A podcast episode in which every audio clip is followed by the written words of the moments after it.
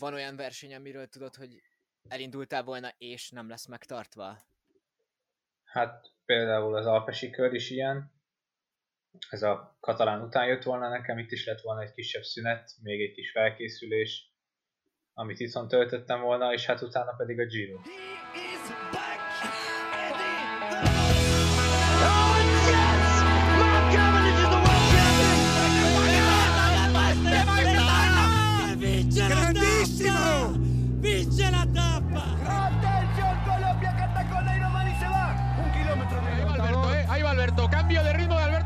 Igen, a Giro. Walter Attila az olasz körverseny mellett beszél a koronavírus hatásairól, idei és jövőbeli céljairól, Quintana támadásáról és az Avenir szakaszgyőzelemről is. Sonka Szeretülő Podcast Walter Attilával. Kezdünk! Egy rövid szolgálati közlemény még mielőtt elkezdődne a podcast maga a beszélgetés. Sajnos az első két percet nem tudtuk rögzíteni, ez az én hibám. Ebben a két percben semmi igazán fontos nem hangzott el a következőkben viszont annál több. Ők azért nyilván nem egy perc alatt hozták meg ezt a döntést, viszont talán nem is leghamarabb, ha jól tudom, a Michelton hozta meg elsőnek. Igen, igen, meg a Voters is mondta, hogy akkor az IF az nem hajlandó elindulni. Igen, igen. Először, először pedig pont ők mondták, hogy ők mindenképp ott lesznek, ők nem mm, lehet őket elijeszteni, aztán mégis ők, ők is hamar visszaléptek, és utána talán harmadik, negyedik csapatnak kaptam én is az e-mail, de előtte már ugye tudtam egy-két nappal, előtte már írtak nekem, hogy, hogy akkor ez így lesz, hogy ott nem állunk rajthoz, de azokban a versenyekben én nem voltam érintett, csak a katalán ö, körbe, ami ugye már, kima, ami ugye már utána volt, tehát ezután a, a, az egy hónap után, tehát ez a 23-ával. De a versenyzőket is semmilyen szinten nem kérdezik meg ilyenkor a vezetők, vagy de volt egy ilyen kérdés, ezek, ezek azok közül a versenyzők közül, akik ezeken a versenyeken indultak volna, például a Párizs Nizzán, hogy, hogy ki az, aki akar menni, ki az, aki nem, milyen, te, milyen dolgokat csináljon a csapat. Tehát próbáltak nyilván szem előtt tartani azt, hogy a versenyzők mit akarnak. De hát a nagy többség, főleg az olaszok, ők nagyon, már nagyon be voltak akkor rezelve, és hát látjuk, hogy nem, nem hiába. Igaz, volt igazuk volt, és hát ott már akkor nagyon rossz volt a helyzet, és ők látták, hogy mi lesz, és hogy mi, mi lehet még. Úgyhogy, úgyhogy ők, ők így mondták, hogy ők nem igazán szeretnének, és igazából csak páran voltak, akik azt mondták, hogy hát nekik mindegy, ők, ők ha mennek, mennek, ha nem, nem. Úgyhogy igazából a végén a doktorok mondták ki, meg a menedzserek azt a végső döntést, hogy akkor ezt most így mm. ö, eddig a határozott időig mi nem indulunk ezeken a versenyeken, ez két verseny, nem sok, túléljük, addig meglátjuk mi van. Közben én is edzőtáboroztam, a csapat felment magaslatra, Sierra Nevada-ba. Azok a versenyzők, akiket az érintett volna, például a Gregéket, akik ugye a klasszikus szezonra készültek, meg a Tirennóra.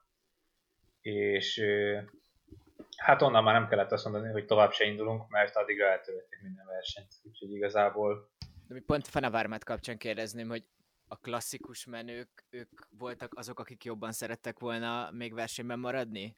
Vagy ezt így nem lehet ráhúzni egy bizonyos csoportra? Hanem hát teljesen... nem, nem teljesen csoport, ez inkább személyes dolgok. Aha. Például a Bevin, a Patrick Bevin volt úgy, hogy ő, ő, ő szívesen versenyezne, ha már mondjuk itt van Európában, de, de tényleg elég eltérő nézőpontokkal volt mindenki, de viszont hamar meg tudtak egyezni abba, hogy akkor ez, ez most egy nagyobb dolog, mint a versenyzés, és akkor ezt ameddig ez ilyen szituáció, addig ezt, ezt jegelni kell a versenyzést, aztán pedig már nem is volt hol indulni, úgyhogy nyilván a klasszikus menők, például a Greg, aki óriási nyomás van, és neki hát már nem fiatal, tehát neki most még egy pár éve van, ahol így kell teljesíteni. És ugye mivel ennyi szereplést kap mind a csapattól, mind Belgiumban, mindenhol, ezért rajta tényleg nagy a nyomás, úgyhogy, úgyhogy neki meg kell mutatni, és hát elég keményen dolgozott, jól formában is volt, úgy, ahogy mindenki. Nagyon vékony, nagyon vékony. Úgyhogy, most. úgyhogy te, szerintem tényleg nagyon erős volt, láttam az edzőtáborokban is, és, és ügyesen építette fel, és nagyon sokat ö, táborozott például. Ö, edzőtáborok között is magaslatra ment Tenerife-re, úgyhogy neki is most született decemberben egy kislánya. Hm. Tehát mellőzte a családot elég sokat, és most, most hát az be tudja pótolni ezt az időt, csak hát nem biztos, hogy ezt így szerette volna. Úgy, Nem meg az olimpia, aki augusztusban. Így van, hát az még, az még egy nagy kérdés. Hát így a mai híreket elnézve amúgy, hogy Kanada, meg nem is Ausztrália. tudom, Ausztrália. Az... Igen, hogy ők nem vesznek részt. És jó esélye nem is lesz szerintem, de ezt majd meglátjuk. A katalán körversenyen kívül volt, amit így, vagy van olyan verseny, amiről tudod, hogy elindultál volna, és nem lesz megtartva? Hát például az Alpesi kör is ilyen. Ez a katalán után jött volna nekem, itt is lett volna egy kisebb szünet, még egy kis felkészülés, amit itthon töltöttem volna, és hát utána pedig a Giro. Tehát nem, nem, még nem százszor, most már sose derül ki, hogy indultam volna, de szerintem nagyon jó úton jártam, és, és a csapat is mindenképpen akarta, hogy induljak. Úgyhogy a, a két francia verseny alapján, ahol kezdtük a szezont, ott azt mondták, hogy rendben, akkor ez így, ez így rendben lesz, és, és nekik is mindenképpen kell, hogy induljon magyar, vagyis hát nagyon jó lenne, úgyhogy, úgyhogy szerintem a Giro az mindenképp ebbe a kategóriába tartozik. Bence Feri? Nem biztos, hogy válaszolhatsz erre a kérdésre, eldöntöd majd, de igazából azért is teszem fel ezt a kérdést, mert Lefeverrel jelent meg egy interjú most a Cycling News-on, biztosan olvastátok mindannyian, ami arról szólt, hogy ha az idei Tour de France-ot nem fogják megrendezni, akkor akár a kerékpározásnak jelenlegi üzleti modellje teljes egészében omolhat össze. És én csak azt akarom kérdezni, hogy így nálatok házon belül mekkora a nyugalom, mekkora a pánik így a jövőt illetően. Tudom, hogy nem lehet ezt teljes iperági plegykák mélységében kibeszélni, csak így megnyugtatáskép a kis biciklisportot szerető szívünknek, hogy, hogy minden rendben lesz veletek a jövőre nézve, ugye? Hát sokat nem beszéltünk még erről, de szerintem pont azért, mert elég nyugodt mindenki. A CCC is egy olyan volt, aki, aki ugye a cipőkkel foglalkozik, és ezeket a boltokat most bezárták, de a bevétel nagy része az elcipőről származik, ami lengyelben, németben, mindenhol ugyanúgy hódít. És szerintem most, hogy senki nem tud kimozdulni otthonról, mindenki ezt az oldalt böngészi. Ugye rendelni, a rendelések száma láthattak, hogy megugrott az elmúlt hetekben, hogy minél kevesebben mennek, úgyhogy valamiféle bevétele még így is lesz szerintem a boltnak, és akár egy-két hetes, mondjuk egy-két hónapos kiesés, az nem, nem rázza meg úgy a csapatot.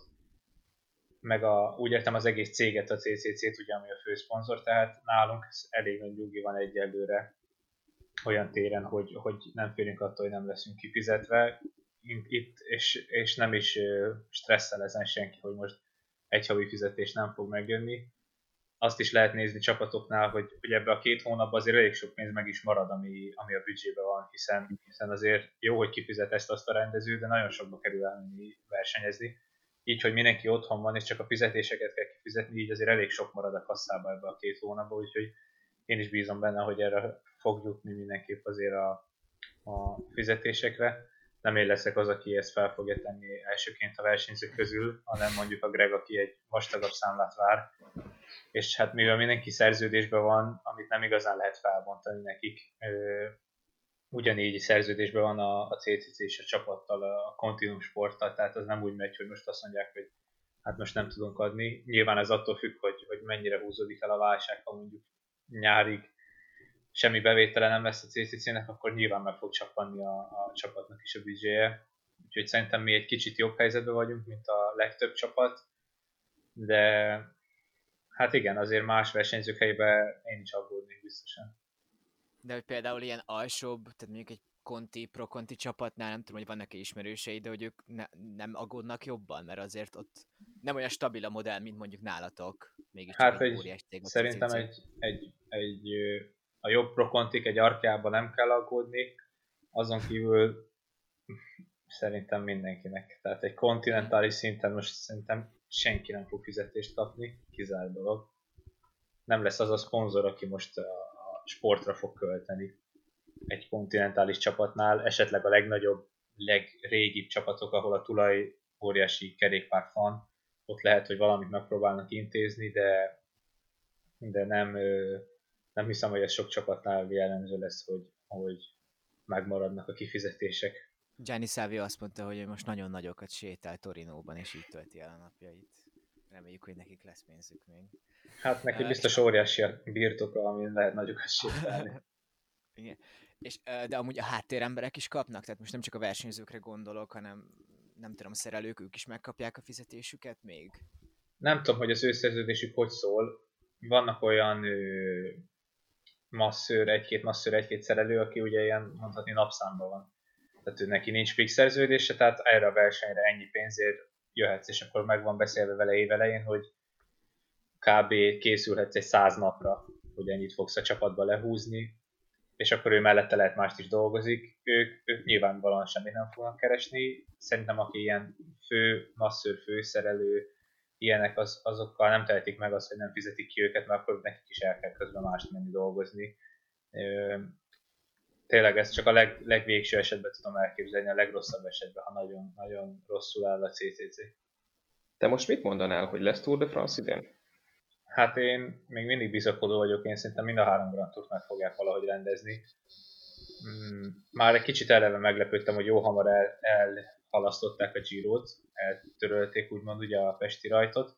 Nyilván egyrészt a magyarok mondták, hogy itt akkor nem lesz semmilyen Giro, de hát az olaszok kicsit úgy, mintha ránk kenték volna, hogy mi, mi miattunk marad el, meg mi eltöröltük közben, ott, ott már a madár se jár azon a vidéken náluk, úgyhogy Viszont ezek olyan versenyek, amiket nem hiszem, hogy el lehet halasztani, meg törölni. Vagyis hát elhalasztani látszóan el lehet, de eltörölni egy évre egy olyan versenyt, ami, ami már nem is tudom hány éve nem volt, mondjuk katalán is ebbe beleesett ebbe a, a sztoriba, hiszen ez a századik lett volna Szám. idén. Igen. És a, a második világháborúban sem maradt el. Tehát ez nekem nagyon durva, hogy, hogy valahogy akkor is meg tudták rendezni, miközben világháború volt, de most nem lehet. Meg a, a polgárháború után valami három héttel elvileg már volt katalán körverseny, szóval, hogy igen, ez így ilyen Hát Jó, az is egy nagy, remélhetőleg azt is megrendezik idén. Nem hiszem, hogy meg akarják szakítani ezt, a, ezt az éves láncot, hogy, hogy most akkor ők száz évig rendezik. Hát csak ugye hol, bár már beszéltük a csapattal, hogy, hogy úgy készüljünk, hogy most akkor egy kis pihi, aztán ha feloldják majd a karanténokat, nálunk meg be se vezették, akkor, akkor lehet szépen készülni, de, de mindenki úgy készül, hogy október végéig itt, itt nyél lesz végig, tehát még szerintem még novemberben is versenyezni fogunk. De szerinted egy giro az, az bárhol, bármilyen formában meg lesz rendezve ősszel? Tehát mondjuk, hogy a normál három hét az bele fog férni bárhol is a naptárba? Hát rengeteg opció van szerintem, még azt is el tudom képzelni, hogy, hogy olyan szinten összetolják a kettőt, hogy mondjuk pár nap különbség lesz a kettő között, és akkor nyilván nem fognak ugyanazok a versenyzők indulni rajta. Azért minden csapatban vannak 25 fölött, fő fölött a, a versenyzők, vagy legalább ilyen 23-4, mi 28-an vagyunk. Még azt is lehet, hogy a, a, a Giro utolsó hetében elkezdődik a Tour de France, vagy, vagy, vagy egy olyan megoldás, hogy két hétig tart a verseny, kevesebb pihenőnappal, hogy hamarabb lezavarják, és ugye ezek, ezek folyamán a Giro Tour Vuelta alatt pedig 100% hogy lesznek ilyen nagy versenyek, mint a Tirreno, vagy akár klasszikusokat beraknak alá.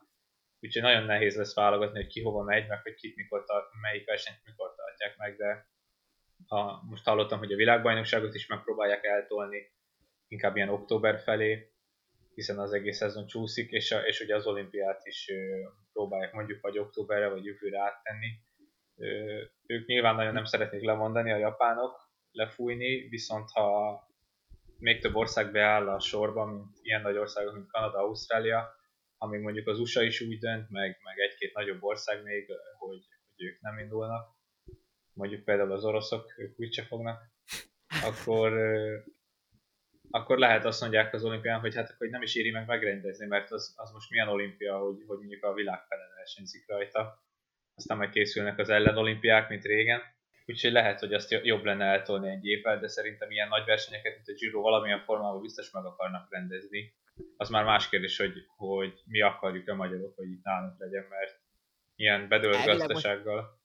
Azt mondták, hogy az, hogy idén Pestről induljon a Giro, az kb. lehetetlen, és hogy arra van opció esetleg, hogy más évben, de lesz Pesten rajta, és lesz valamilyen Giro, de csak Olaszországon belül. Ugye az elején említetted a két francia versenyt. Mennyire számítottál arra, hogy egy teljesítmény, egy kirúgó teljesítménye kicsit jobban akár meggyőzheted a csapatot arra, hogy indulhass esetleg a Giron, vagy hogy egy kiváló teljesítménnyel még inkább előrelépje a csapaton belül? Hát elsősorban tudtam azt, hogy nem az eredmény fog számítani, mert, mert elég jó direktoraink vannak. Például ezen a két versenyen Steve Bauer volt velünk, ő, ő kanadai versenyző. Van róla egy nagyon híres videó fent a Youtube-on, ahol egy világbajnokság meg kikönyökli a, a, a belga versenyzőt. A, ezt a Fondries nyerte ezt a VB-t, talán 88-ba Úgyhogy ő, ő azért elég tapasztalt lehet, hogyha volt már VB dobóban, hogy, hogy, hogy mitől is jó egy, jó egy versenyző, és azóta is ugye a kerékpársporton belül dolgozik. Mm. Úgyhogy ő látja azt, hogy, hogy mi kell, ő el tudja mondani a többi direktornak, a, a még nagyobb főnököknek a csapatnál, és ugye a többi csapattársam is el tudja mondani, hogy én hogy dolgoztam együtt, hogy követtem az utasításokat, jó helyen voltam, amikor kell. Úgyhogy elsősorban erre akartam figyelni, ebbe is szerintem fejlődtem azért tavalyhoz képest, még nem tartok ott, ahol kéne, meg ahol, ahol szeretnék, mert igazából azt mondhatjuk, hogy ott tartok, ahol kéne, mert nem, nem ilyen varázsütésre jönnek ezek a dolgok, hogy egész nap elől megyek, de már sokkal jobban ment, főleg a másik, második versenyen, mint, mint például tavaly, vagy, vagy hát tavaly előtt, az, az ne is említsük.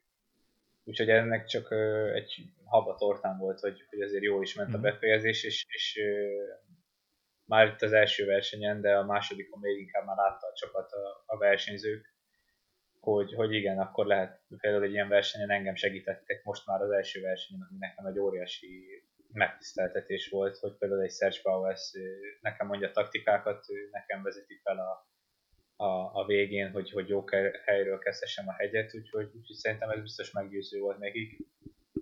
Nyilván ahogy mondtam, ez már sose fog kiderülni, hogy én most itt indultam volna ilyen hamar, de, de végül is pozitívan kell nézni. Lehet, hogyha mondjuk jövőre indult tőlünk a Giro, az már nekem is sokkal jobb, még egy év tapasztalattal álltam mögött, mert nem is fog a csapat se kételkedni abba, hogy nekem menni kell.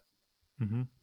És ugye mondtad ezt, hogy most említetted például, hogy Powells és különböző nagyobb nevek, vagy úgymond rutinosabb versenyzők, ki az, akivel esetleg így úgymond nem mondanám, hogy beavatott vagy hasonlóról lenne szó, csak hogy olyan tippeket tud neked, ami, amit hasznosítani tudsz, hogy általánosságban véve a kerékpársportban?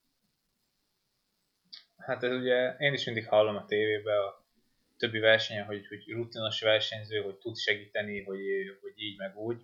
Ez, ez nyilván egyrészt így van, de, de nincsen egy olyan dolog, hogy most itt valaki megy melletted a mezőnybe, és ő mond olyan dolgokat, hogy attól te nyerni fogsz. Tehát azt tudja elmondani minden rutinos versenyző, hogy menj előre. De ezek alapján már én is rutinosnak számítok, mert ezt én is el tudom mondani, hogy menj előre. Csak megcsinálni nagyon nehéz. Uh-huh. Ö, és ebbe segíteni nagyon nehéz a másiknak. Ö, például a Wisniewski, a lengyel versenyző, aki már volt ugye a Quickstep-be kezdett, utána pedig a Sky-ba versenyzett két évet, ő ezt nagyon egyszerűen elő tudja adni, nagyjából két méter magas, jó nagy darab, bármikor bárhol előre megy, megvan az ereje is hozzá. Úgyhogy például ő volt, aki tudott mondani nekem egy-két dolgot a, a Sergeant kívül, és, és ők voltak azok, akik meg is tudták ezt velem valósítani, hogy, hogy például előtartani, hogy előre vinni, hogy azokat a kerekeket figyeljem, de, de igazából nincs ilyen óriási titok, hogy most itt mit mhm. csináljak. Olyan is előfordult, hogy mindannyian hátul voltunk, mert, mert ők már azért, én mondhatom, hogy most nem lesz baj, és ugye mások mondhatják, hogy, hogy honnan tudnád. Ha ők azt mondják, akkor, ők, akkor az tényleg nem lesz baj, mert előfordulhat egy millióból egyszer, de azért láttak már elég versenyt, tudják, érzik azt a szituációt, hogy mikor ugye mondjuk, hogy unalmas ül a mezőny, mikor nem fog történni semmi. Én például ezt külön szeretem, hogy látom, hogy ők hátul vannak, akkor én is nyugod, nyugodtan biciklizhetek bárhol a mezőnybe, nem kell ezen stresszelni. Belefutottam egy tök jó petícióba a Change.org-on, nem tudom, hogy ti is láttátok, egy elkezdett virálisá válni az elmúlt egy-két órában ami arról szól, hogy néhány, hát szerintem inkább Dán fanok elkezdték terjeszteni, illetve kérni az UCI felé azt, hogy ha már így a szezon fele tulajdonképpen elmarad, vagy, vagy hát nem tudom, hogy mi fog vele történni, akkor az aktuális világbajnoki trikót majd a jövő évre vonatkozóan módosítsák egy ilyen B világbajnoki trikóvá, hogy aztán jövőre Mats Pedersenen valamilyen formában még látszódjon, hogy ő egyébként világbajnok volt, csak szerencsétlen ezt nem tudtam megmutatni a tavasz és a nyár folyamán senkinek a világban. Tök érdekes, hogy mifelé, hogy ebből mi lesz, hogy kíváncsi vagyok, hogy ebből lesz-e valami.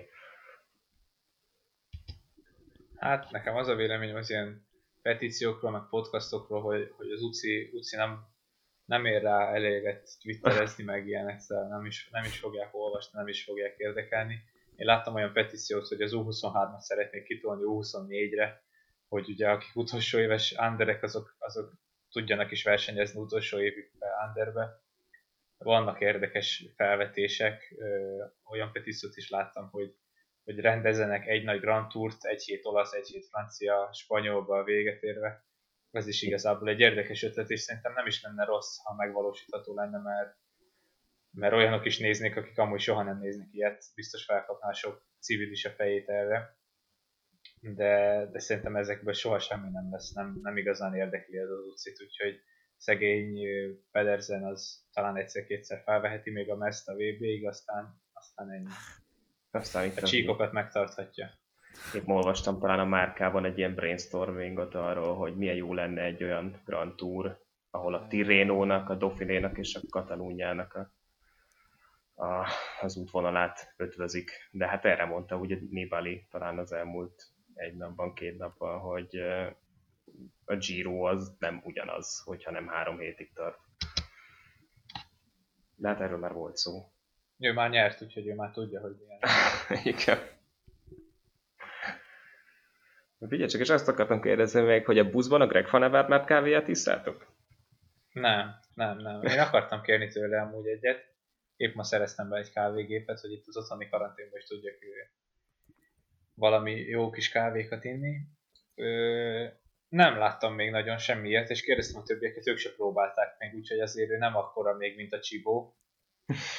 Ö, inkább ilyen helyi hmm, berkekben nyomja szerintem, amerre ő lakik abban a városban leginkább eladható, mondjuk Belgiumban mondjuk lehet mindenhol, de, de a, csapat, a csapatbuszban egyelőre nincs az, nincs ez a kávé.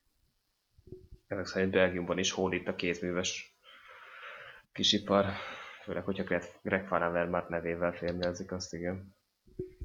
Hát ott ő elég, elég nagy celeb, mondhatni, de ennek, ennek ellenére amúgy nagyon emberi. Ezt én, emiatt én nagyon tisztelem őt, de tényleg ő, ő igazából már bármit el tud adni a saját nevével. Belgiumban nagyon kerékpárfanok az emberek. Szerintem nem sok vága van, aki őt nem ismeri. A következő kérdés azzal kapcsolatban tenném föl, hogy ugye mondtad nyilván, hogy vannak saját edzéstervetek, kaptok is azért nyilván valamilyen szinten saját kútfőre is uh, edzetek, de hogy jelen pillanatban például minden szükséges kerékpárad esetek, tehát van időfutam kerékpárad is, ahogy láttam, meg országúti, hogy ilyenkor mennyivel különböznek az edzések, hogy ö, most így egyedül vagy, és úgymond karanténban edzetsz körülbelül. Hát ezt, igen, ezt már mondtam, ne, nem is tudom, pár napja igen. kérdezték tőlem. Ö, ezt azért, egyrészt ugye jogos kérdés, de hirtelen nem is értettem a, a kérdés mi volt át, mert nincs olyan manapság, hogy így tehát együtt edzel egy mm. csapatba, és akkor mindenki minden nap ugyanazt edzi. Tehát amikor elmész az edzőtáborba, ott, ott együtt mentek, inkább csoportokban, nem biciklizünk 21 együtt, és akkor nagyon hasonló résztávokat csinálunk, hogy ugye együtt tudjuk tölteni a napot. Itt is ugye a zónák mindenkinek másmilyenek, de uh-huh. amint hazaér valaki, egyrészt nem egy edző van a csapatban, hanem körülbelül 3-4-5. Uh-huh és vannak olyanok, akik saját edzővel dolgoznak. Tehát innentől kezdve nem is lehet, hogy ugyanazt edze mindenki, és, és az, az adott edző is másra készíti fel. Tehát egy Greget másra készítenek fel, mint az Zakarint, tök mhm. más résztvevői annak, tök más az egész szisztéma. Lehet, hogy aki a, például a Zakarin, ő lehet, hogy három-négy napokat is bevállal, pihenő napokkal, lehet, hogy a Gregnek elég mondjuk két napozni, mert ő úgyis csak egy, úgymond egy naposakra készül ha éppen nem a Tour de France-ra, úgyhogy nekünk ez teljesen alapvető már évek óta, hogy, uh-huh. hogy, hogy külön edz mindenki, úgyhogy, úgyhogy én külön edzettem a, az egyéni edzőtáboraimba is teljesen uh-huh. a saját szisztémám szerint, a, amit az edző küld nekem, amit vele megbeszélek, és ugyanez van itthon is, úgyhogy amíg most ilyen szép idő volt, én azért kimerészkedtem még itthon. Ö, gyűjtöttem egy pár kilométer, de szigorúan ilyen endurance jelleggel nem igazán nyomtam különösebben.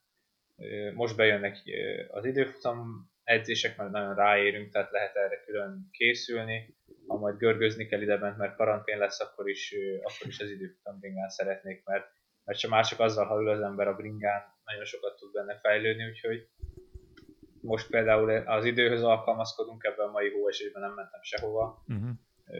Nem hiszem, hogy most ez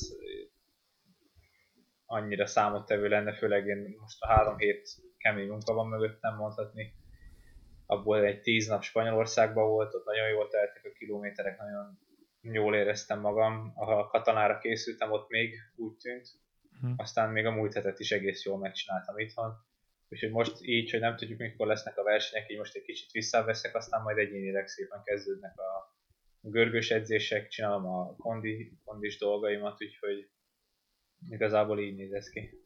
És ugye említetted ezt, hogy máshol például teljes karantén van, sőt azt hiszem például Spanyolországban a Strávára komplékan föllépett a rendőrség, hogy ellenőrizzék a bizonyos versenyzőket, vagy akármilyen hobbikerékpársokat, hogy ne menjenek ki az utcára mennyire tervezed, vagy mennyire használod, vagy mennyire szereted úgymond az Zwiftet például ilyen szempontból?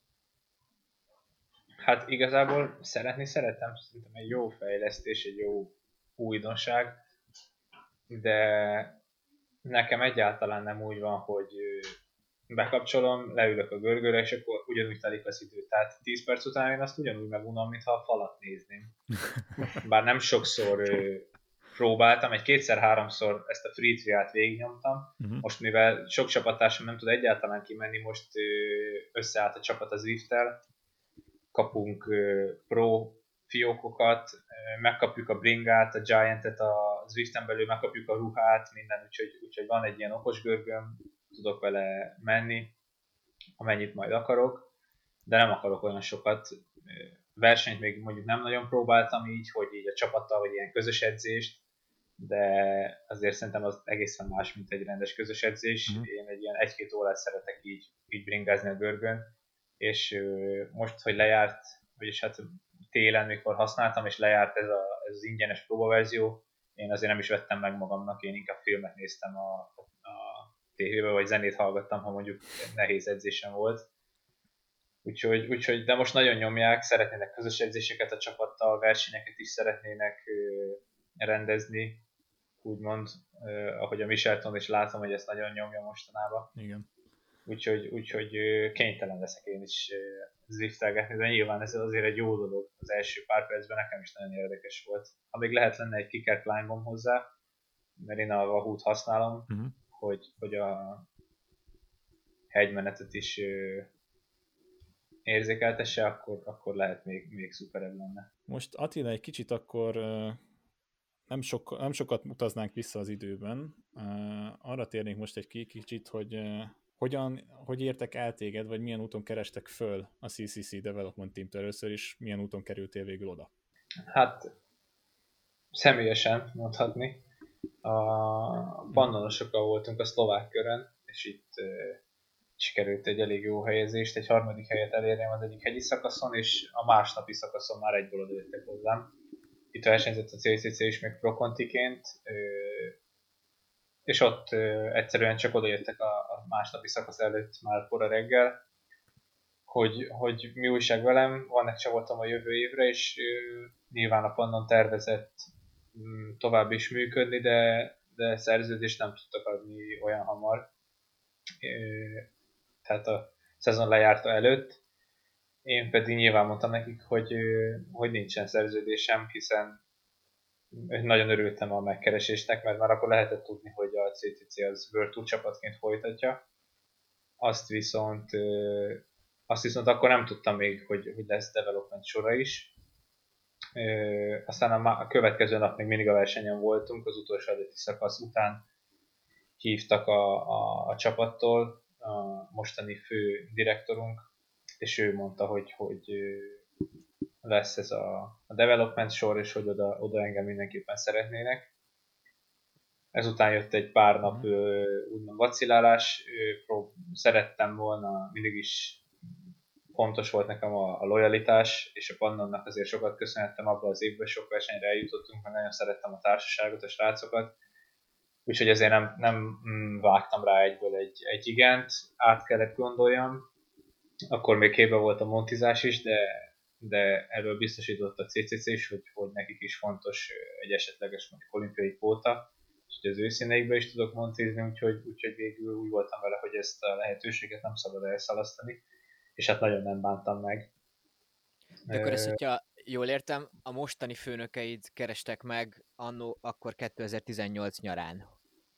Igen, 18 nyarán keresett meg a, a development mostani igazgatója, aki tavaly volt a főnököm, idén már nem. Igen. Ő keresett meg személyesen, és a telefonon pedig a Piotr Velickivel beszéltem, aki, aki most a, a general manager a csapatnál. Tehát ő, ő most igazából mm. a góré, mondhatjuk. De és ő így festett már ilyen képet, hogy majd esetleg felkerülhetsz a nagyok közé? A World hát én, én ugye eleve, mivel nem tudtuk, hogy lesz development sor, már én az alatt az egy másfél nap alatt magammal beszéltem, hogy, hogy én itt, ha most itt megjöttem a World Tour menőkkel, Ála Filippel, meg megvertem az ő legjobb emberüket, a Trátnikot, akkor, akkor lehet, hogy úgy vannak vele, hogy egy ilyen fiatal tehetséget le kell igazolni, már most a World Tourba, de, de igazából jól tették, hogy nem, mert még nagyon tapasztalatlan voltam egy év országúti versenyzés után. Úgyhogy itt ö, ismertette velem ezt a helyzetet, hogy ők a developmentbe szeretnének engem, és hogy higgyem el, hogy jobb lesz ott nekem, mert nem lesz akkor a nyomást, tudok még fejlődni, tudok gyakorolni. A World Tourba pedig azért az első évben, mivel újonnan alakult csapatról van szó mondhatni, két csapat összeforrott, sok versenyző elment, sok új versenyző jött, ezért ott elég nagy volt szerintem első évben a káosz, és nagyon sok versenyzőt meg is kellett tartani, így alapból hely se volt nekem. Uh-huh. Úgyhogy, úgyhogy én végül úgy döntöttem, mint azt tudjuk, hogy, hogy akkor én megpróbálom meg itt a developmentbe a szerencsémet. Tényleg egyáltalán nem bántam meg, és, és nyilván úgy indítottam az évet, vagyis úgy, úgy igazoltam oda, hogy én, én elég ambiciózus vagyok. Én mindent meg fogok tenni azért, hogy én nekem egy év után már adjanak egy szerződést a World Tourban, ami itt, hát mondhatni így, hogy jól van, jól van, majd meglátod, majd rájössz mm-hmm. Kifejezéssel életek. Két éves szerződést adtak a developmentbe, és ott is akartak tartani, de hát most, most derül ki ezzel a vírus járvány kapcsán, milyen jól tettem, vagy milyen jól jártam, hogy én, én tavaly fel tudtam igazolni, mert, mert azért idénről nehéz lesz felkerülni valakinek jövőre World versenyek nélkül. Te vagy most a legfiatalabb a csapaton belül 21 évesen, hogy igazából ez jár valamilyen előnye vagy hátránya versenyen kívül és versenyen belül, vagy mi az, amit erről el lehet mondani ugye kulisszák mögül? Most érzem először azt egy csapaton belül, amit mondjuk nem éreztem nyilván egyrészt a Pannonba se, vagy a Csömörbe se, de a Developmentbe se, hogy, hogy azért, mivel mindenki elég fiatal, eltérőek a, a, a hogy mondjam, tehát az intelligencia szint, a, a, az érzelmi kor, tehát ott még, ott még voltak ugye, akik már, már felnőttek, voltak, akik eléggé gyerekek és úgy is viselkednek. Én is nyilván ezt a, ezt a tábort erősítettem itt most a, a World Tourban mindenki profi, és mindenki nagyon felnőttként is viselkedik, így, így én is így próbálok minél inkább viselkedni. Ez nem azt jelenti, hogy mindenki szigorú vagy, vagy mogorva, nagyon sokat hűlünk, de mindenki, mindenki tud nagyon komoly is lenni, és mindenki tisztelettel bánik a, a másikkal, és, és ugyanígy velem is. Nagyon hamar befogadtak engem is, meg az új, új versenyzőket is. Nyilván ők is tudják, hogy én, én még fiatalabb vagyok, valaki lehetne akár az édesapám is a sorból, de, de nem kezelnek igazából te egyáltalán másképp, se hátrányal nem jár, se előnyel, annyi, hogy, hogy, hogy azért vannak, akik bátorítanak, hogy ha, ha most ez ilyen jól megy, akkor, akkor, akkor előtte milyen nagy jövő állhat, és ez, ez, ez kifejezetten jól esik. Kik hát ezek? Például a, a, a, a Powers bátorított, vele voltam egy szóval az edzőtáborban, a Faustóval is voltam, már többször is, ő is mondja, hogyha mondta például ezen a Provence-in, hogy, hogy hogyha már most nem, nem tudom megverni a, a nagyokat, de, de már most nagyon sok, sokáig elmegyek velük, és nagyon sokszor nem is tudnak leszakítani. Mondjuk akár ezen a hautváron kibírtam velük a legtöbb ö, hegyet, az utolsó hegyen ö, szakadtam le. Az utolsó nap, a harmadik nap, de ott se, ott se nagyon, tehát a Pino az 5 másodpercre volt, nyilván ő se csúcsvonába érkezett, de hát én se, úgyhogy, úgyhogy ők bíztatnak, hogy, és látják azt, hogy nem véletlen kerültem azért oda, úgyhogy tényleg ez, ez nagyon jól tud esni egy, egy, egy csapattárstól. A Hautvár teljes nevét mondjuk kimondani, az, az egy külön kihívás. Tour des Alpes et Martinez de Hautvár. Ne, ezt, szóval- az, ezt, ezt, azért tudjuk, mert, mert mi is rengeteget röhögtünk rajta, addig, addig röhögtünk, amíg végül megtanultuk teljesen kimondani. El, ez elképesztő, szóval a, nem tudom, a versenymarketingesei azok 1972-ből maradtak, vagy nem tudom, de Hát, minden, mindenki csak úgy hívta, hogy Hautvár, úgyhogy igen, ez ugye egyszerűbb. Én is csak azt írtam. És amikor megkeresett a CCC, mármint hogy a development csapatba folytasd, akkor voltak esetleg más ajánlataid Conti, esetleg Pro Conti szín- szinten? Mm, Pro-Conti csapathoz hiszem, hogy el tudtam volna kerülni egy-két csapathoz, egy jó menedzser segítségével. Nyilván nem az arkába vagy a nagyon jókba, de, de nem is tudom, esetleg egy Izraelbe, mikor még ők se tudták, hogy bőrtúrosok lesznek, vagy, vagy valami ilyesmire gondolok, esetleg az Andróniba, de, de nem igazán szerettem volna ott kikötni, én nem akartam egyáltalán elköltözni, és ezekbe a csapatokba ez, ez muszáj lett volna. Beszéltem a, a Grupama FDG-vel is, a, és ők is a Conti csapatokba az utánpótlás sorba szerettek volna leigazolni, de ez is azzal járt volna, hogy én hogy én oda költözök Franciaországba, és hát az, az ugye elég nagy púp lett volna a hátamon, mondtam, hogy az iskolát is szeretném befejezni, az egyetemet, Ö, és, és alapjáraton én szeretek azért, azért Magyarországon landolni, mikor véget ér egy verseny, úgyhogy, úgyhogy ezek is olyan dolgok voltak, amellett, hogy, hogy úgy voltam vele, hogy a, a lengyelekkel azért sokkal jobban kijövök majd, mint a franciákkal, és hát ez így is lett, minden csapattársamat nagyon szeretem, ma is beszélgettem többekkel a Devóból, a tavalyi csapattársaimmal, most, hogy így ráérünk, úgyhogy, úgyhogy egy nagyon jó társaság is volt, tényleg nagyon kegyes volt velem a sors, hogy így ez összejött. A lengyel-magyar barátság napján vesszük föl, amúgy. Így van, így van. Ez még így vicces is külön.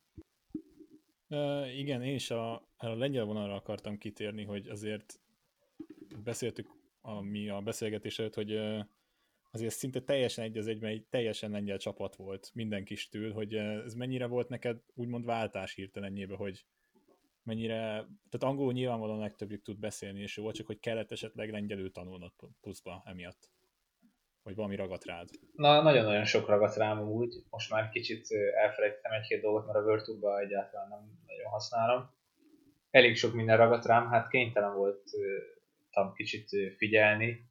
Meg akartam az ő munkájukat is könnyíteni azzal, hogy, hogy nem kell mindent kétszer elmondani. Nem mindenkinek a szívügye ott azért az angol beszéd, ahogy, ahogy nálunk sem mindenkinek ez a kedvence, és, és ugye érzékeltem azt, hogy ő, ott is te, teljesen tisztelettel voltak ez iránt, tehát mindent lefordítottak, nem erről volt szó, csak ha mondjuk vagyunk 15-en egy teremben, 14-en lengyelek, akkor ne kelljen csak azért mindent előről kezdeni, elmagyarázni angolul, csak egy ember miatt, úgyhogy, úgyhogy az év közepe vége fele már elég sok mindent megértettem, már mondtam, hogy igen, azt a részt értem, mire gondoltok a taktikai részen, mikor indulunk, mikor érkezünk, mennyire van a szállás, így a Mi a számokat egy kicsit Mi a nem támadás tudom, lengyelül? e, ko- ö, koncepcióba tudtam megérteni, mert nagyon sok egy kis ilyen latin szavuk van, amit, amit egy ö, kis igekötővel lengyelesítenek, tehát ez a reakcia, tehát ezek a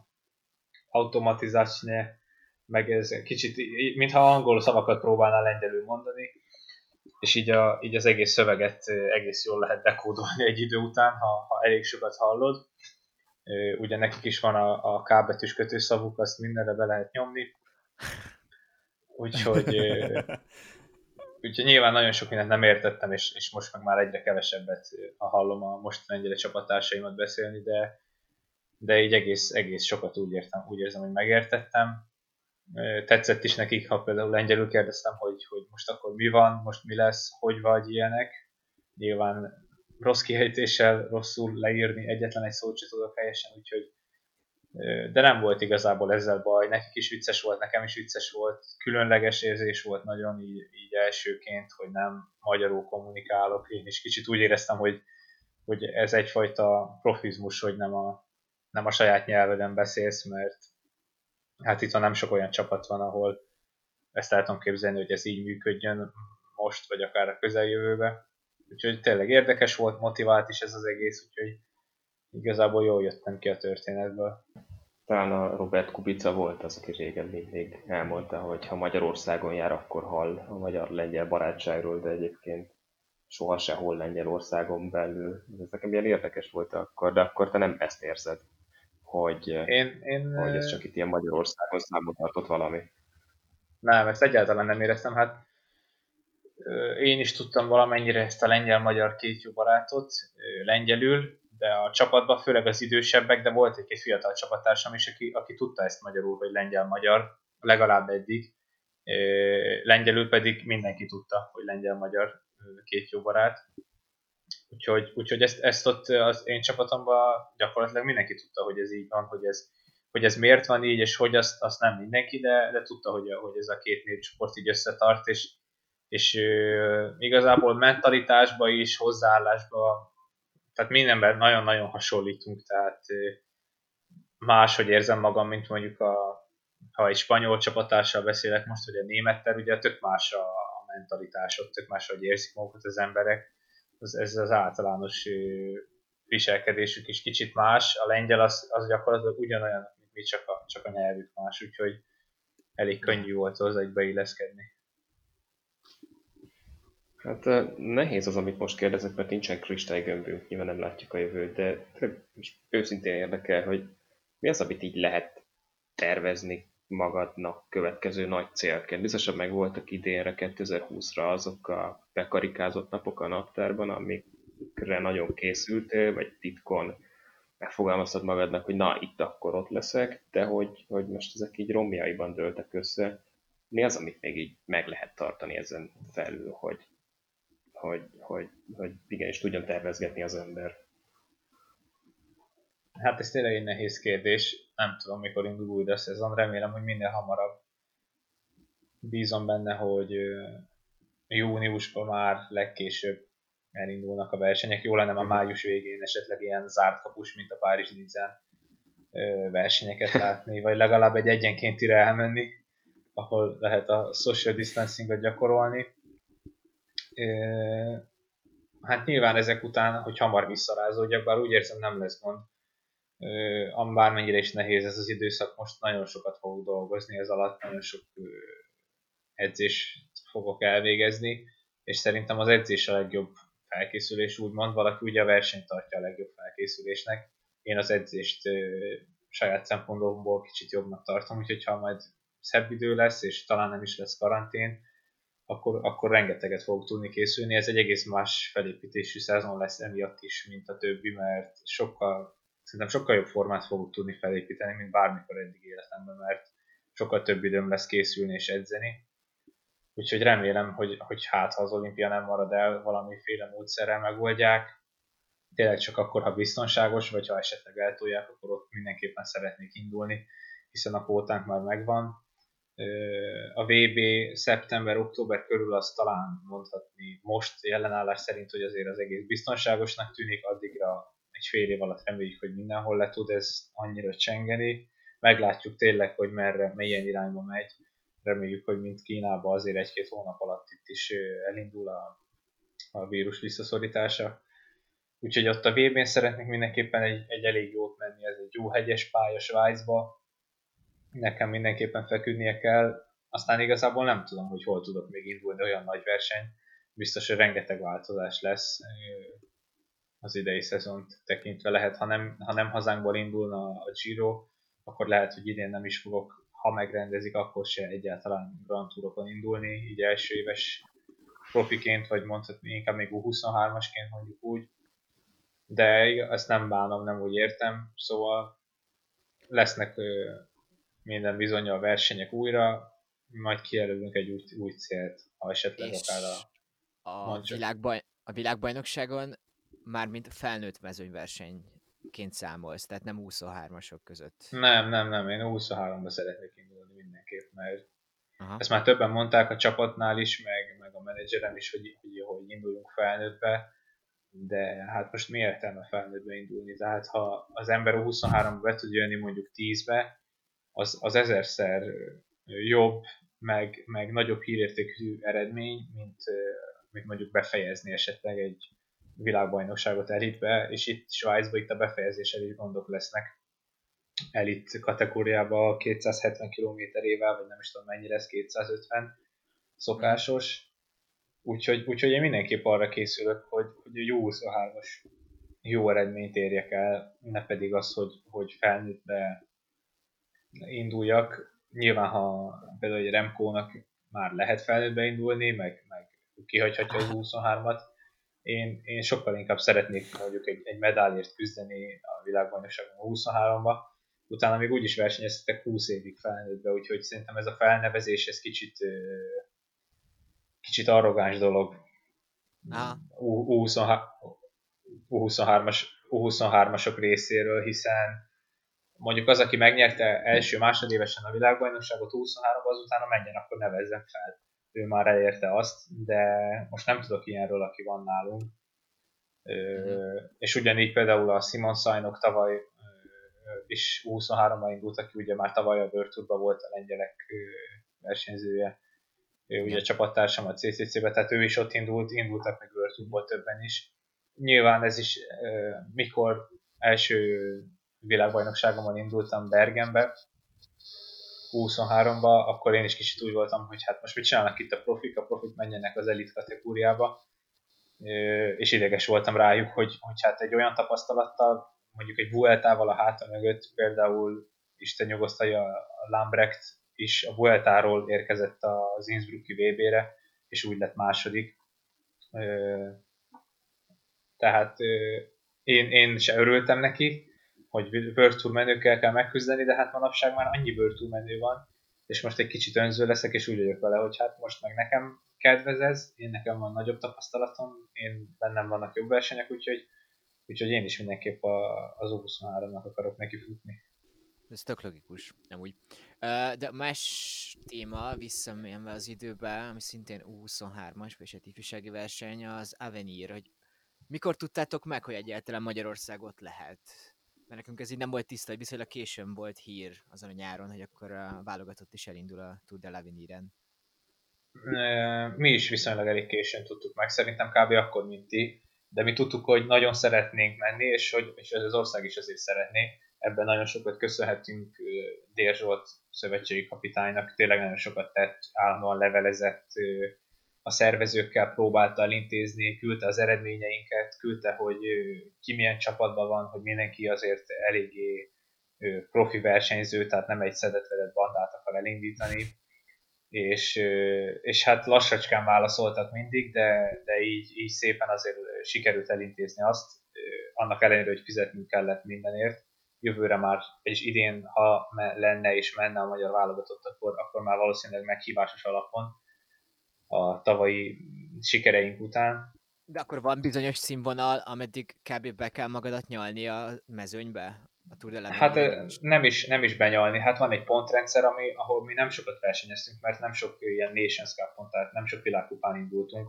Ugye mindenki versenyzett a saját csapatával, így válogatott szinten mi nem mentünk most uh, U23-as Paris-Roubaix-re, meg ilyenek, főleg olyan helyekre, ahol pontot szerezhettünk volna de nekem nyáron már elég sok pontom összegyűlt, a Barna is már elég sok helyen versenyzett, ugye Quickstep tréni volt, tehát voltak olyan érdemeink, ami alapján azt lehet mondani, hogy igen, hát ez, ez nem, nem biztos, hogy ők lesznek a legerősebb ország, de, de bőven ott vannak az elejébe, és hát azért így is lett. Elég jól szerepeltünk, mint szakaszokon, összetettbe is, és, és csapat országszinten is szerintem nagyon az elejébe végeztünk, úgyhogy, úgyhogy nem bánták meg a rendezők, beszélgettem velük személyesen is, hogy, hogy meghívtak minket, de tényleg ez nem volt azért egy egyszerű menet, és nem is volt ingyen, úgyhogy, úgyhogy a szövetségnek is meg kell köszönjük, hogy, hogy ezt finanszírozták, valószínűleg nekem ezen múlott, hogy, hogy én most ott lehetek, ahol a Barnának is biztos jól jött, és hát a többi versenyzőnek is, aki már Lavenirt ment, tíz napot versenyzett, az, az már bármelyik csapatnál egy jó ajánló levél. És amúgy még a megelő, tehát hogy a felkészülésre az új mez, az hogy jött Magyarországnak? Mert hogy baromi jó lett az új mez, főleg az előzőhöz képest. Hát már évek óta nem évek óta, de már azért egy ideje mondogattuk, hogy ezt a matyóhimzést már, már kicsit le kéne serélni. Az is egyfajta mm, koncepció volt, nem mondom, hogy rossz volt, de már kicsit visszamentünk ebbe a minimalista dizájnba minden, minden ország, kicsit inkább ilyen modernebbre vette, és amilyen eléggé kilógott a sorból, persze vannak még csúnya mezek, és ahogy mondtam, én ezt azért nem tartom csúnyának, elég különleges a miénk, de ez a mostani sokkal inkább beleillik ebbe a, ebbe a képbe, úgyhogy, úgyhogy már volt tervbe, több meszt láttam én is, hogy melyiket szeretnék, de hát azért nem egyszerű egy szövetségnek se legyártani ennyi meszt, mert ahány, ahány szakág, ahány válogatott versenyző, nem úgy megy ez, hogy pikpak legyártunk, akkor ezer darab meszt, mondjuk a, például ezt a kisgerék gyártják, ugye gesú mezek, ők se tudnak hirtelen ennyi meszt legyártani, és a mm. szövetségnek sincs ennyi pénze, úgyhogy szépen lassan apránként ment ez, de örülök, hogy pont itt már ebbe tudtunk versenyezni, és szerintem sokat dob azért a képen, hogy nem abba a régi mezbe érkezek a célba. Pont ezt mondtad, hogy érkezel a célra, pont erre akartam kitérni. Aznap mennyire építettek föl csapaton belül a taktikát, hogy így fogsz támadni, és hogy esetleg ez egy szakaszgyőzelemben fejeződhet be? Hát az előző nap ment nekem nagyon rosszul, ez a rövidebb nagyon durva hegyi szakasz, 20 km-ben mentünk, hogy 2000 szintet. Elindultunk, és csak fölfele. És ez egy mezőnyverseny volt, 20 kilométeres mezőnyverseny. Itt nekem aznap nagyon-nagyon rossz napom volt, lehet nem figyeltem el, eléggé a, a táplálkozásra már előző nap, mert ez alatt a 20 km egy óra alatt nem is lehet eléhezni, meg semmi ilyesmi, de, de nem volt meg az az erő, ami kellett volna. Próbáltam minimalizálni a, a hátrányt, itt az Erik, a Fetter Erik nagyon sokat segített, mert nekem tempót motivált. Úgyhogy a másnap én már úgy voltam vele, hogy kicsit összetettbe és hátrébb csúsztam, elengedtem ezt az egész megnyerem a Lavenir dolgot. Úgyhogy, úgyhogy semmi taktikám nem volt, egyszerűen csak az első hegyen lejtmenetbe elgurultam. Körülbelül ennyi volt ez a szökés. Páran elgurultak, én is tényleg konkrétan csak elgurultam, három erőset belerúgtam a pedálba, a rajt utáni első száz méterbe elgurultam, itt még utána elég sokáig, egy 20 perc, fél óráig ment azért az üldözés, hirtelen nagyon sokan fel, ugyanígy felgurultak, és nem, azért az nem volt jó a, a, az egész mezőinek, úgyhogy itt mindig elő kellett tartsam magam az újabb és újabb szökésekbe, de, de motivált voltam amiatt, de nem, egyáltalán nem gondoltam, hogy én ezt meg tudom nyerni. A nap folyamán ez alatt a nem is tudom hány kilométer volt 67, 80, 80 valahogy így. 80, valahogy így. Tehát a, a, a nap folyamán éreztem azt a hegyeken, hogy, hogy ez, most, ez most a tegnapihoz képest egészen elképesztő ugrás és változás. Nagyon jól éreztem magam. Vég, vég előtt tudtam magam tartani a hegyeken. Volt, hogy ha már láttam, hogy egy, egy-két ember leszakadnak, akkor kicsit megrántottam a sort, hogy, hogy fogyjunk folyamatosan többször kicsit leszakadtam, ha, ha valaki nagyon erős tempót diktált, én is tudtam azt, hogy, hogy én mit bírok, de tudtam azt, hogy ők is mit bírnak. Például a, a mostani világbajnokunk ment egy, egy rövidebb három kilométeres hegyen, ami nagyon meredek volt, egy olyan tempót, amit, amit éreztem, hogy, hogy ezt se én, se ő nem fogja bírni, se a többiek. Úgyhogy itt mm. valaki, valaki elment vele, én viszont, én viszont egy picit lemaradtam, és, és a hegy tetején hoztam csak be ezt a lemaradást, és láttam, hogy mikor felérünk, mindenki sokkal, jobban, sokkal fáradtabb, mint én. A kilencedik nap volt, azok már ők se bírtak azért olyan tempót menni, amit, amit mondjuk az első-második nap. Úgyhogy innen, innen pedig szépen hirtelen meghaltak egyesével az emberek, mondhatni, szakadoztak le folyamatosan, végül azt a spanyol versenyzőt pedig már, már ott már tényleg nagyon a, a cél lebegett a szemem előtt, itt így, így őt ott úgy tudtam leszakítani, hogy teljesen elöntött az adrenalin, a motiváció, hogy, hogy tudtam, hogy messze még a cél nagyon, de hát láttam, hogy ott a kamera, ezt most adja az Eurosport, adja a tévé, és, látszik, hogy én megyek legelőtt, már ez valami. Nagyon nehéz volt tényleg arra gondolni, hogy ezt én most megnyerhetem, meg arra is, hogy, hogy, hogy. Tehát igazából bármire, mert nem igazán tudtam gondolkodni közben, nem, nem tudtam felfogni azt a helyzetet, hogy ezt most tényleg meg lehet nyerni. Egészen így az utolsó két-három kilométerig, ott viszont már láttam, hogy azért nagyon közelednek, de, de itt is amúgy ö, talán az évek, meg a mondhatni rutin, ami, ami szerencsére ilyen fiatalon is ö, már, már azért egész jól megvan, azt érzem. Ö, ö, tudtam, hogy, hogy most mire vagyok képes aznap, és nagyon jól be tudtam osztani az erőmet, tehát nem próbáltam olyan vattokat menni, amit, amit tudom, hogy, hogy már meg tudok csinálni, de, de tudtam, hogy ez a kilencedik nap, tudtam, hogy ők mire képesek, én mire vagyok képes, és, és egy idő után összeállt a kép, hogy ez, hogy ez meg lehet így. Úgyhogy, úgyhogy amit sokan nem szeretnek, elég sokat néztem a wattmérőt, de te persze az érzéseimre jobban hagyatkoztam, és, és végül így, így lett meg így egy tempózásból a vége. A Movistarban nem fogsz tudni menni, mert ott a wattmérőt nem szeretik. A, Movi, a Movistarban nem is akarok. um, és, ugye, és ugye még visszatérve utoljára erre a tavalyi versenyre, hogy ugye kiutottatok, és a csapat eszméletlen teljesítményt hozott, nem csak ugye a te szakasz győzelmed ára, vagy a révén. Hogy érzed azt, hogy jó úton jár el most a magyar kerékpásport, és hogy esetlegesen látsz arra esélyt, hogy egyre több fiatal, vagy a ti korosztályatokban egyre több kerüljön ugye egyre nagyobb szintre a kerékpársporton belül. Akár, ha most látjuk Vasbankák például a ciklokrosz eredményeit is ilyen szempontból. Hát ez egyértelmű, hogy, hogy olyan irányokba mozog, amelyik irányba nem nagyon mm, mentünk az évek, évek alatt, az elmúlt években. E, ez az irány egyértelműen felfele vezet, és, és elég dinamikusan mozgunk e felé. Egyre többen e, kerülnek olyan csapatokhoz, ahol, ahonnan, e, ahonnan már nem múlik semmi a továbbjutás, csak magán a versenyzőn.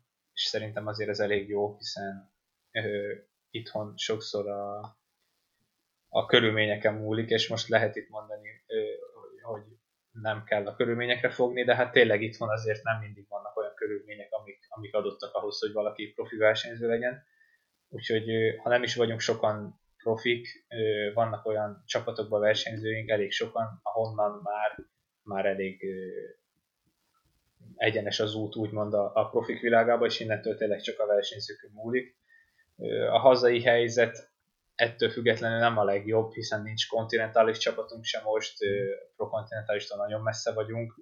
Ugye az Epronex működik, ahol vannak jó versenyzőink, egy-két másik csapat is amatőr szinten mozog, viszont innen, innen nehéz lesz bárkinek is elkerülni, azt mondom, olyan helyekre, amik már tűzközelben vannak, vagy ahol, ahol tudják azokat a lehetőségeket biztosítani, de én is, én is amiatt, egyrészt amiatt nyomom, és, és nyilván az első indok az a, az a saját magam motivációja, hogy én jó szeretnék lenni, nem másokért csinálom, de nekem ez óriási plusz motiváció és erőt ad, hogyha ha esetleg ezzel én másokat is motiválok, gyerekeket, ö, akár ilyen serdülőket, és most már nem úgy kell odaállni nekem se egy rajthoz, vagy úgy értem, hogy ahogy én álltam oda egy rajthoz, mondjuk három-négy évvel ezelőtt, hogy még inkább nem gondolkozok a jövőn, mert, mert hát valószínűleg úgyse leszek profi, csinálom, amíg szeretem, jól is megy, juniorba látom, hogy nincsenek messze azok a srácok, aztán egyszer csak, egyszer csak eltűnünk onnan előről. Ennek nem feltétlen kell így lennie, tehát oda lehet érni, ugyanúgy emberből van minden, minden versenyző. Lehet, hogy én sem fogok Tour de France nyerni, sőt, elég valószínű, hogy nem fogok, de, de én már úgy érzem, hogy odaértem, még nagyon sok van hátra abból, amit el szeretnék érni, de, de ez, ez már szerintem fel tudja használni egy, egy serdülő motivációként, hogy, hogy én is egy, egy mm. innen egy, egy pesti, mondjuk kis csapatból jöttem, magyar csapatban versenyeztem, aztán egy, egy felfigyelt rám egy development show, és, és hirtelen itt a World és bevettek, mert, mert egyáltalán nem lehetetlen. Évek munkája van benne, természetesen nem, nem adták, nem adták könnyen, de, de az, ami régen elképzelhetetlen volt, hogy a World Tourban lehet versenyezni, az most már nekem annyira természetes, és nem is ért. És vannak olyan versenyzők, akiket nem is értem, hogy hogy vannak itt, szóval tudom róluk, hogy nem erősek, és mégis itt vannak, és most már nekem nem tűnik egy óriási dolognak World lenni. Persze ne értsétek félre, mégis vannak olyan pillanatok, mikor így gondolkodok, úristen, tényleg, hát én World vagyok. Ez, ez nekem nagyon durva még mindig, de, de most már egyre, egyre kevésbé és, és egyre többször érzem azt, hogy ez, ez, ez igazából egyáltalán nem lehetetlen, és, és nem is értem, hogy hogy nem sikerült az elmúlt években valakinek, de remélem, hogy, hogy a következő években egyre több példa lesz erre. És látsz még amúgy olyan versenyzőt, aki a közeljövőben elérheti a World Tour szintet, ahol vagytok, nem tudom, Fetter Erik, Dina Márton. Persze, a barátaid, hát, szóval nehéz róluk beszélni, nem tudom. Neki, nehéz, nehéz bárkiről is így beszélni. Ö, mind a kettőben megvan a, a fent említett két úriemberben a, a lehetőség is, a tehetség is, nagyon szorgalmasak is, úgyhogy, úgyhogy ö, nekik is még sok minden nem múlik, hogy felkerülhetnek, de, de minden esélyük megvan. Hát, hát, ha saját magamhoz viszonyítom őket, az Erik két éve fiatalabb, már most előrébb tart, mint én tartottam két éve. A Marci ugye egy évvel idősebb, vagyis kettővel, de semmivel nem gyengébb, mint én. Tehát ugyanolyan erős, ugyanolyan elszántan dolgozik, neki is még kell egy pár versenyeredményt mutatni, és látni fogják azt, hogy, hogy, hogy ő is odavaló, és, és jönnek fel a fiatalok remélhetőleg, akik, akik motiváltabban készülnek, mint, mint ahogy az előző generációk, és, és annak tudatába készülnek, hogy, hogy oda lehet érni. A Blankát szerintem már most elvinné nagyon-nagyon sok csapat, őt már mondhatjuk majdnem bőrtúlosnak, mert, mert szerintem simán el tudna igazolni nagyjából a női profi mezőny felébe bármikor. És, és hát vannak tényleg fiatal tehetségeink, bár régen is voltak ugye fiatalok, csak, csak egy idő után ez elveszett ez a kép, hogy, hogy, hogy hogyan tovább. Közeledünk lassan az adásmenet végéhez, és hát én vagyok az ügyeletes csapongó, amiért majd én adások kívül meg is fogom kapni a magamét, hogy mindig elvezetem a beszélgetés vonalát másfele, de nagyon szeretném megkérdezni a véleményedet arról, hogy mit szóltál ehhez a Nairo Quintana nevű férfi emberhez az idei teljesítménye alapján. Hitted-e volna, hogy így egy prokonti csapatban ő másodvirágzását, másodfiatalodását fogja megélni majd. Igazából ez, hogy hittem-e volna, ez azért nem helyes, mert egyáltalán nem is gondoltam erre. Nem gondolkoztam én ezen, hogy most a Quintana jól fog-e menni, vagy nem. Ö, egyrészt engem is ö, kicsit meglepett, de nekem igazából sose volt így bajom a Quintanával, most pedig így, hogy mezőnybe is mentem vele, mm, teljes tiszteletemet élvezi. Nagyon kulturáltan közlekedik a mezőnybe, odafigyel a többiekre, eléggé tisztelettudó, tehát, tehát tudja, hogy egy, egy nagy versenyző, olyan nagy, mint ő, már, már meg kell válogatni úgymond a, a tetteit, meg a, azt, amit csinál, mert, mert őt már mindenki figyeli folyamatosan a média és a, a versenytársak is. Az, hogy pont egy prokonti csapatban pedig hát ott is minden adott igazából, tehát az már az a prokonti szint, ami, ami nincs messze például a mi csapatunktól, vagy, vagy a vagy, vagy a World csapatok felétől, háromnegyedétől. Tehát lehet nem olyanok a feltételek, mint az Ineosba vagy a Quickstepbe, de, de neki minden megvan, és minden adott ahhoz, hogy ő jó legyen. És itt jön be az egyik legfontosabb faktor szerintem, hogy itt, itt a movistar ellentétben szabadnak érzi magát, boldog, itt a testvére, ezek olyan dolgok, amik, amik nagyon fontosak, főleg egy ilyen nagy versenyzőnek, aki úgymond már mindent elért. Tour de France még nem nyert, nyilván ez egy nagy álma, de amikor végtelen összegű a bankszámlád, akkor, akkor biztos nehéz motivációt keresni ahhoz, hogy te újra jó legyél. És én örülök neki, hogy, hogy amúgy ilyen jól megy. Az viszont kicsit furcsa, hogy mennyire jól ezt most úgy értem, hogy, hogy ez alatt a két verseny alatt, amikor hegyi befutókra került a sor, nem, nem én meg akartam közelíteni, de, de, de ott voltam, mikor támadott, és, és tehát az követhetetlen volt. Tehát nem tudom elképzelni, hogy bárki a világon le tudta volna követni azt, a, azt az abdűezi támadást, vagy azt a, azt a támadását a második szakaszon a Hautváron. Lehet, hogy élete csúcsformájában lévő Froome az igen, de, de úgy ilyen korán a szezonban, hogy egy ekkorát ment, az, az, az egészen elképesztő volt. A Hautváron megpróbáltam elmenni vele, én és a Pino próbáltunk meg erre a kamikaze küldetésre vállalkozni, ilyen 700 körüli wattot nyomtam elég sokáig, ilyen 20 másodpercekig, uh-huh. amiben természetesen teljesen megrogytam, visszaültem, majd nullára meg kellett állni, ugyanezt tette a Pinó is, és mikor utolért minket a sor, megpróbáltunk életünk árán beállni, szerencsére ez sikerült, mikor egy ilyen egy perc után felnéztem, már nem láttuk az egyenes úton a mintánát magunk előtt, tehát ő konkrétan abban a tempóban közlekedett tovább. Nyilván ez a súlyából adottan neki nem 700 watt, meg lehet, hogy utána visszabeengedte, csak azt tartotta, de, de szerintem a 50 kilóból egy 500 wattot kiprésel elég hosszú percekig, és ezzel olyan sebességgel megy fölfele. Tehát utána elkezdtünk forogni, egy síkabb részen a célegyenesre fordulva, volt nagyjából másfél kilométer sík, itt 15-en forogtunk az FDG vezetésével, és, és távolodtunk a Quintanától, ami, ami egészen brutális volt, hogy nem egy meredek 10%-os hegyen megyünk, hanem egy 1%-os úton megyünk, és ő, ő ott is gyorsabban tud. Magyarán ő úgy, úgy végig tud tekerni egy ilyen 200 kilométeres hegyi szakaszt, hogy, hogy gyakorlatilag csupolna szája végig.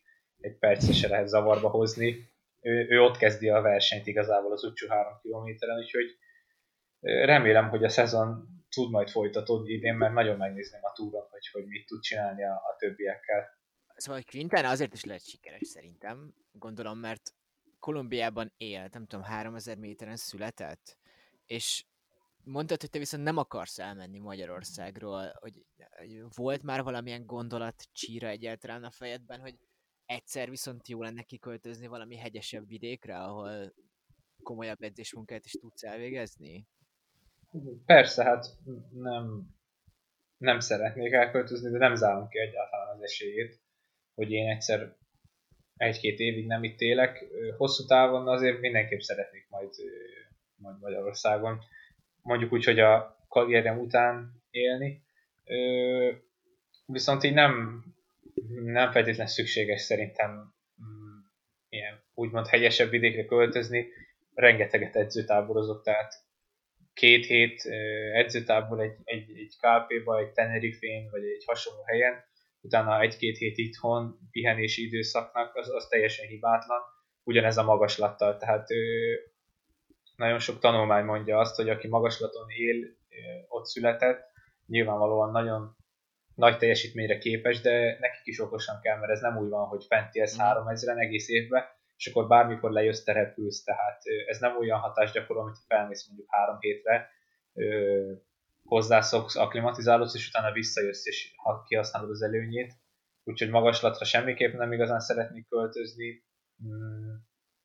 Igazából maximum a teleket kell átvészelni egy KLP-ba, Tenerife-n, hasonló helyeken, utána lehetnek a magaslat érzőtáborok, de mindig jó, főleg manapság, amikor már mindenhonnan megy mindenhova elég gyorsan repülőgép, bármikor itthon vagyok, közvetlen járattal, egyelőre így állok a dolgokhoz. Aha, és amúgy még mi kellene, szóval mit szeretnél elérni mondjuk egy hosszabb távon? Mondtad, hogy Tour de France szerinted nem fogsz nyerni, de hogy Grand Tour menőnek tervezed a következő évtizedben magadat? Vagy van egy ilyen hát, cél, amit így... Igen, valószínűleg nem fogok nyerni, de a második helyet megpályázom. ö, ö, not bad, not bad. Viccet félretéve tényleg, hát mm, elég sokáig ö, voltak olyan céljaim, amit, amire ma már nem mondanám azt, hogy nagy eredmény. Ö, most már úgy vélekedek inkább, hogy, hogy, hogy tényleg ez a, ez a sablonduma, tehát hogy a, a céljainkat sokkal fölé kell lőni. Egyrészt az aktuális realitásnak, meg az elvárásoknak is. Úgyhogy, úgyhogy tényleg szeretnék összetett menő lenni. Tavaly is, idén is elég jól ment ez a versenyeken. Sokkal jobban szeretem a szakaszversenyeket, mint a klasszikusokat. Úgyhogy mindenképp hosszú távon szeretnék egy, egy összemenő lenni, és, és egy háromat is magamért küzdeni, és szerintem, ha másnak megvan az esélye, lehet nem fogok, mint mondtam, túrt nyerni, meg frúmi magasságokba emelkedni, de, de ahogy, ahogy rengeteg versenyző ért már a dobogót három hetesen, úgy szerintem nekem is meg lesz az esélyem, hogy egyszer-egyszer ott legyek, ha nem is biztos a túron, de akár mondjuk egy Giron, tízbe bejönni és társai. Majd az idei Giro májusban. Se. Se. Na jól van, hát nagyon köszönjük, hogy elfogadtad a meghívásunkat. Mi borzasztóan élveztük még a technikai malőrök ellenére is. Én is elvesztem, köszönöm. Köszönöm, Jó. hogy lefoglaltatok itt a karanténban. Ja, akkor, akkor, akkor lehet bármelyik nap, bármelyik nap egy podcast, így Minden nap. bármiről. Kertészeti tippek, meg nem tudom, így valamivel kitöltjük az időt. Rendben. Na jól van, köszönjük, hogy meghallgattatok minket. Sziasztok! Hello, sziasztok!